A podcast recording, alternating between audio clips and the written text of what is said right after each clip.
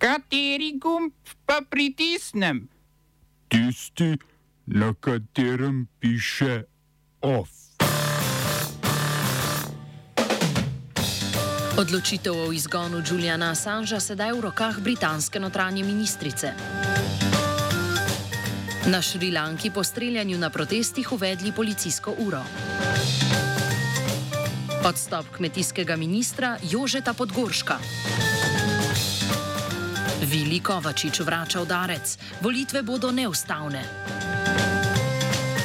V kulturnih novicah pogovor z mlado fotografinjo Pino Lenart.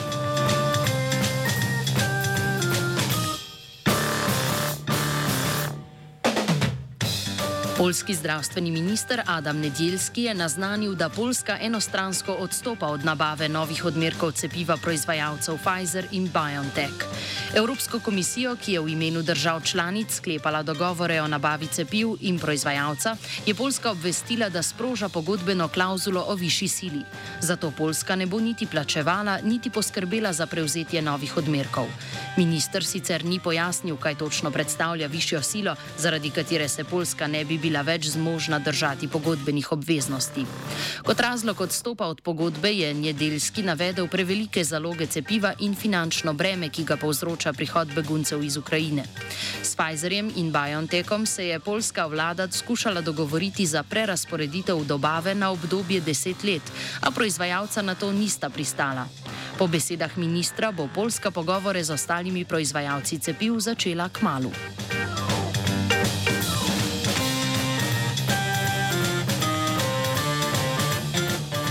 Magistratsko sodišče v Westminstru v Londonu je izdalo ukaz o izgonu Juliana Assangea v Združene države Amerike. O izvršitvi ukaza bo sedaj morala odločiti britanska notranja ministrica Priti Patel.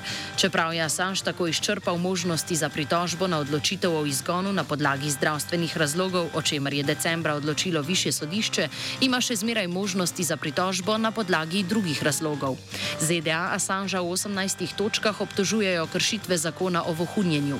Skupno mu grozi do 175 let zapora zaradi objave diplomatskih sporočil in drugih tajnih informacij, ki so razkrile podrobnosti ameriških vojaških operacij, tudi o vojnih zločinih od Guantanama do Iraka in Afganistana.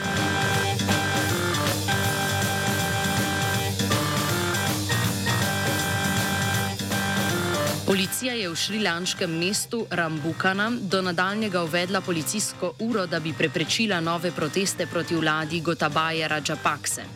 V Rambukani je policija predtem ubila enega od protivladnih protestnikov. Policija je po lastnih besedah začela na protestnike streljati potem, ko so ti skušali zažgati tovornjak, ki je prevažal dizelsko gorivo.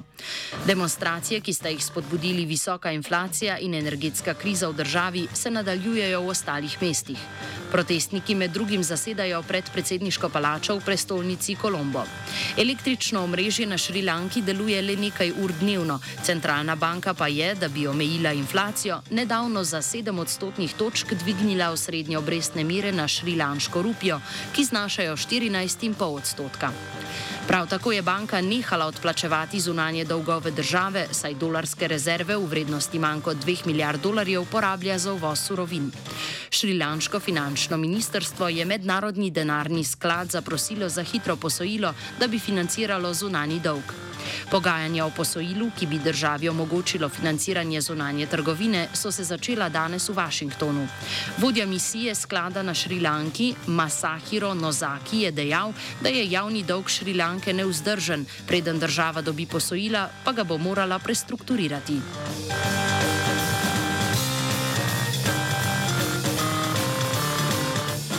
Več kot 500 rohinjskih beguncev je izvedlo pobeg iz centra za pridržanje na severu Malezije.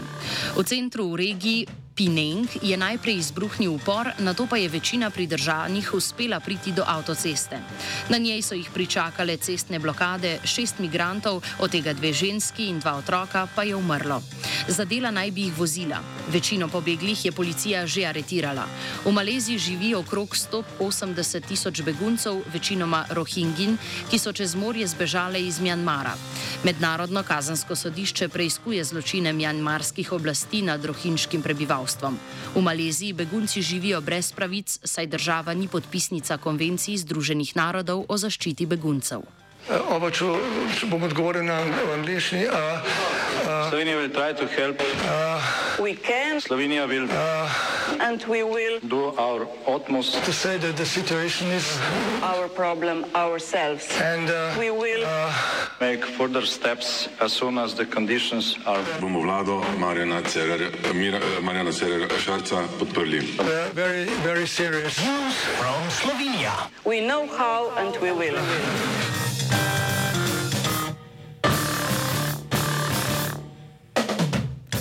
Kmetijski minister Jože Podgoršek je odstopil. V tednu pred volitvami, na katerih kandidira na listi Nove Slovenije, je po besedah predsednika stranke Mateja Tonina Podgoršek sprejel odgovornost za svojo napako ter pokazal politično kulturo, ki jo NSI želi gojiti. Po podatkih portala Necenzurirano, Podgoršek januarja letos ni poravnal računa v hotelu Bohin, kjer je nočil s soprogo. Včeraj je portal objavil še račun, ki naj bi ga hotel, hotel Bohin v lasti kriptomiljonarja Damjana Merlaka izstavil družbi KŽK, ne pa Podgoršku. Kmetijska družba KŽK je v sodnem sporu glede kmetijskih zemljišč z ministrstvom, to je po mnenju Podgorška tudi dovoljšen dokaz, da gre za zrežiran proces, poskus izsiljevanja pa je prijavil policiji. Podgoršek je sicer račun plačal šele potem, ko so informacije o neplačilu prišle v medije. Kot je pojasnil ob odstopu, je bilo izdanih več računov, odstopa pa izključno zaradi prepozno plačanega računa in tako sprejema odgovornost za to dejanje.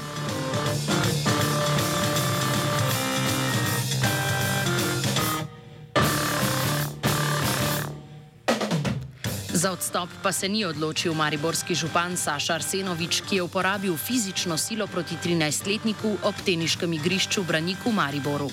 Po trditvah domnevnega očeta 13-letnika, ki jih je naslovil na časnik večer in televizijo Nova 24, je Arsenovič dečka med drugim davil. Arsenovič se je opletenim otrokom in staršem opravičil, v isti sapi pa zatrdil, da otroka ni ne davil, ne udaril, ampak ga je prijel za roko.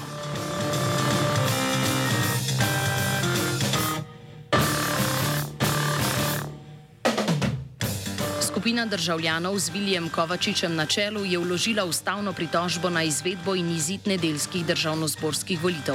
Kakor trdijo, je zakon o določitvi volilnih enot za volitve poslancev v državni zbor neustaven. Že leta 2019 je ustavno sodišče zakon prepoznalo kot neustaven zaradi prevelikih razlik med velikostjo volilnih okrajev. Kljub temu, da je državni zbor zakon lani spremenil in prilagodil meje 15 volil volilnih okrajev, ta novela po mnenju pritožnikov ni odpravila ugotovljene neustavnosti. Zato pritožniki predlagajo začasno zadržanje izvedbe volitev.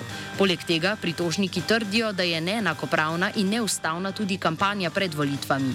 Da bi nam pojasnil, ali zadržanje izvedbe volitev zahteva zaradi zakona o volitvah poslancev ali zaradi predvolilne kampanje, smo poklicali Vilja Kovačiča. Oboje je res, zakon je pa ključna stvar. Zakon, ki ne sledi odločbi ustavnega sodišča, je neustaven. Če se bo zgodil zamik, zamik volitev, bo imeli poslanci dovolj časa, da bojo tudi kampanjo uredili demokratičnim standardom primerno. To pa zdaj ni možno. Ampak to ni naša prvenstvena pritožba. Prvenstvena pritožba je to, kar ustavno sodišče odločilo. In zdaj terjamo od njega, da svojo odločitev spoštuje. Po podatkih okrajnih volilnih komisij je v prvem dnevu predčasnega glasovanja volilo prek 35 tisoč voljivcev, kar je več od dveh odstotkov vseh volilnih upravičencev.